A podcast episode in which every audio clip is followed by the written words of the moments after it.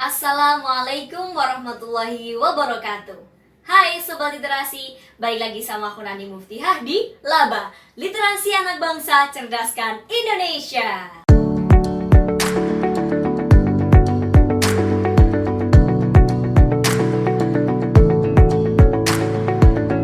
Di video kali ini akan ada contoh pidato yang baik dan benar. Maka dari itu, simak videonya Assalamualaikum warahmatullahi wabarakatuh. Om Swastiastu, Namo Buddhaya, Shalom, Salam Kebajikan. Yang saya hormati Bapak Ibu Dewan Juri, yang saya hormati seluruh panitia penyelenggara lomba, serta masyarakat Indonesia yang saya banggakan. Pertama, Marilah kita bersyukur kepada Tuhan Yang Maha Esa yang senantiasa melimpahkan nikmat dan karunia-Nya kepada kita semua sehingga pada kesempatan yang baik ini kita dapat melaksanakan lomba pidato tanpa ada halangan suatu apa pun. Selanjutnya, Salawat serta salam semoga tetap tercurahkan kepada junjungan kita Nabi Agung Muhammad Sallallahu Alaihi Wasallam yang senantiasa kita nantikan syafaatnya di dunia dan di akhirat. Amin. Hadirin yang saya hormati,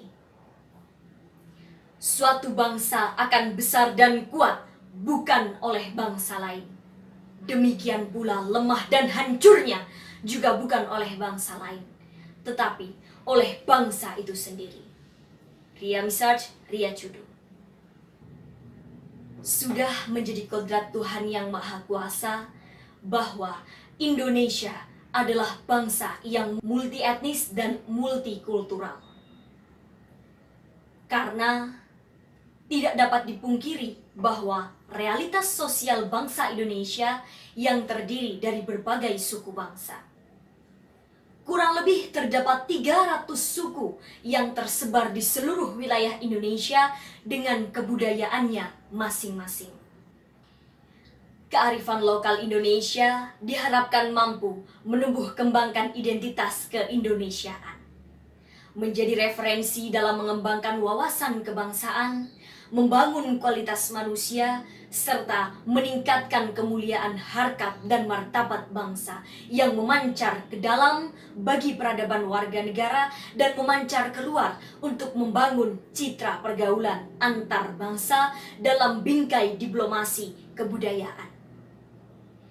Hadirin yang saya hormati, kebudayaan Indonesia sangatlah banyak jumlahnya dan sangatlah beragam bentuknya.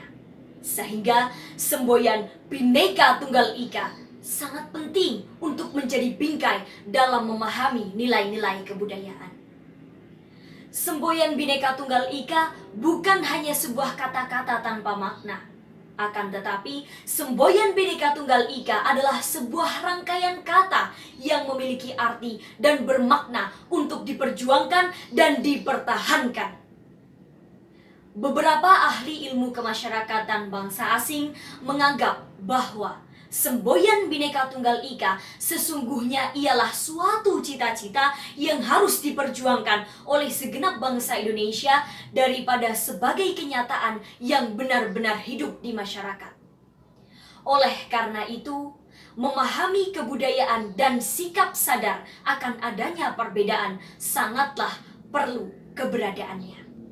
Hadirin yang saya hormati, melalui perjalanan sejarah Berbagai proses kehidupan manusia telah melahirkan ciri keragaman bentuk budaya, suku, bahasa, maupun agama. Namun, dengan beragam budaya dalam masyarakat Indonesia mampu berdiri kokoh di atas dasar Pancasila.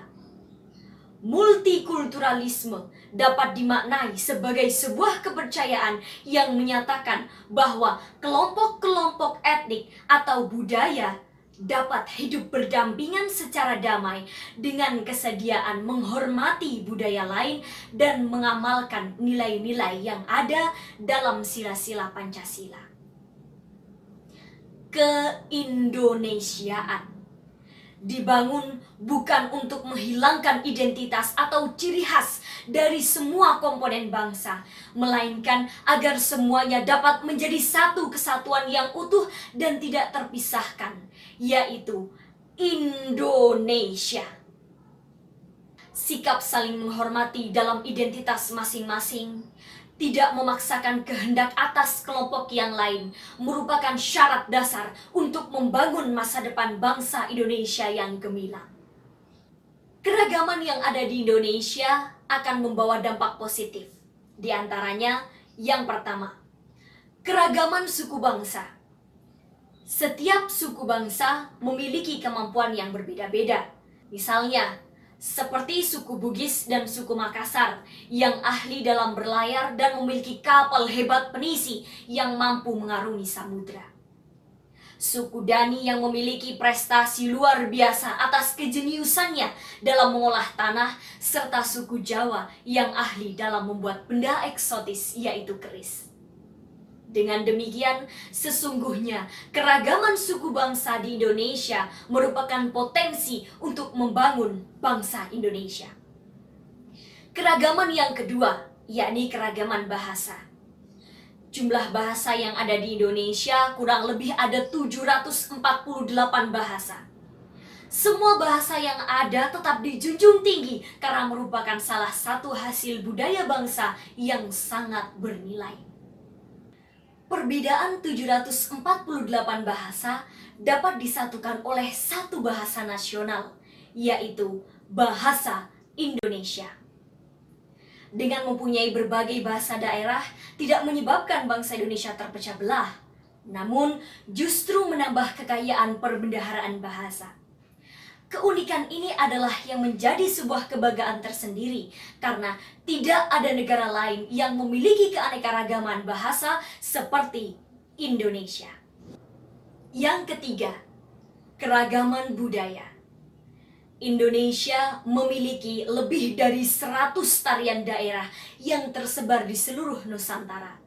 Kekayaan tarian daerah tersebut menggambarkan keragaman budaya Indonesia yang luar biasa karena telah terbukti bahwa kekayaan kesenian berupa tarian daerah menjadi salah satu daya pikat wisatawan, baik domestik maupun mancanegara untuk berkunjung ke Indonesia, bahkan mempelajari budaya Indonesia.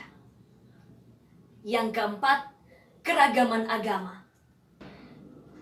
Sesuai dasar negara yaitu Pancasila sila pertama yang menyatakan bahwa Indonesia adalah bangsa berketuhanan. Bangsa yang mengakui atas keberadaan Tuhan dan menghargai sekaligus melindungi semua agama yang dianut oleh masyarakatnya. Agama merupakan pedoman manusia dalam mencapai cita-cita hidup. Salah satu fungsi dan peran keragaman agama di antaranya sebagai kontrol masyarakat dalam berperilaku. Keragaman agama di Indonesia memiliki persamaan dalam memandang perbuatan baik dan buruk. Setiap agama juga mengajarkan bagaimana manusia menghormati pemeluk agama lain, mengajak manusia lain untuk berbuat baik, amanah pada tugas dan tanggung jawab, bersikap adil, saling menolong, dan sebagainya. Setiap ajaran agama mengandung perintah dan larangan yang sangat sesuai dengan kebutuhan umat manusia. Hadirin yang saya hormati, dari uraian di atas dapat disimpulkan bahwa Indonesia adalah negara besar, negara yang kaya akan berbagai keanekaragaman, baik budaya, suku, bahasa, agama, dan lain sebagainya. Hal tersebut merupakan sebuah modal yang dapat menjadikan Indonesia istimewa di mata dunia. Akan tetapi, sadarilah bahwa hal tersebut perlu diimbangi dengan adanya peran, kesadaran, dan kerja keras dari masyarakat Indonesia untuk menjaga, merawat, dan melestarikan keberagaman demi persatuan untuk mewujudkan cita-cita bangsa yang seutuhnya. Ingatlah pesan Insinyur Soekarno. Kalau jadi Hindu jangan jadi orang India. Kalau jadi Islam jangan jadi orang Arab. Kalau jadi Kristen jangan jadi orang Yahudi. Tetaplah jadi orang Nusantara dengan adat budaya yang kaya raya ini. Hadirin yang saya hormati, demikian yang dapat saya sampaikan. Terima kasih dan wassalamualaikum warahmatullahi wabarakatuh.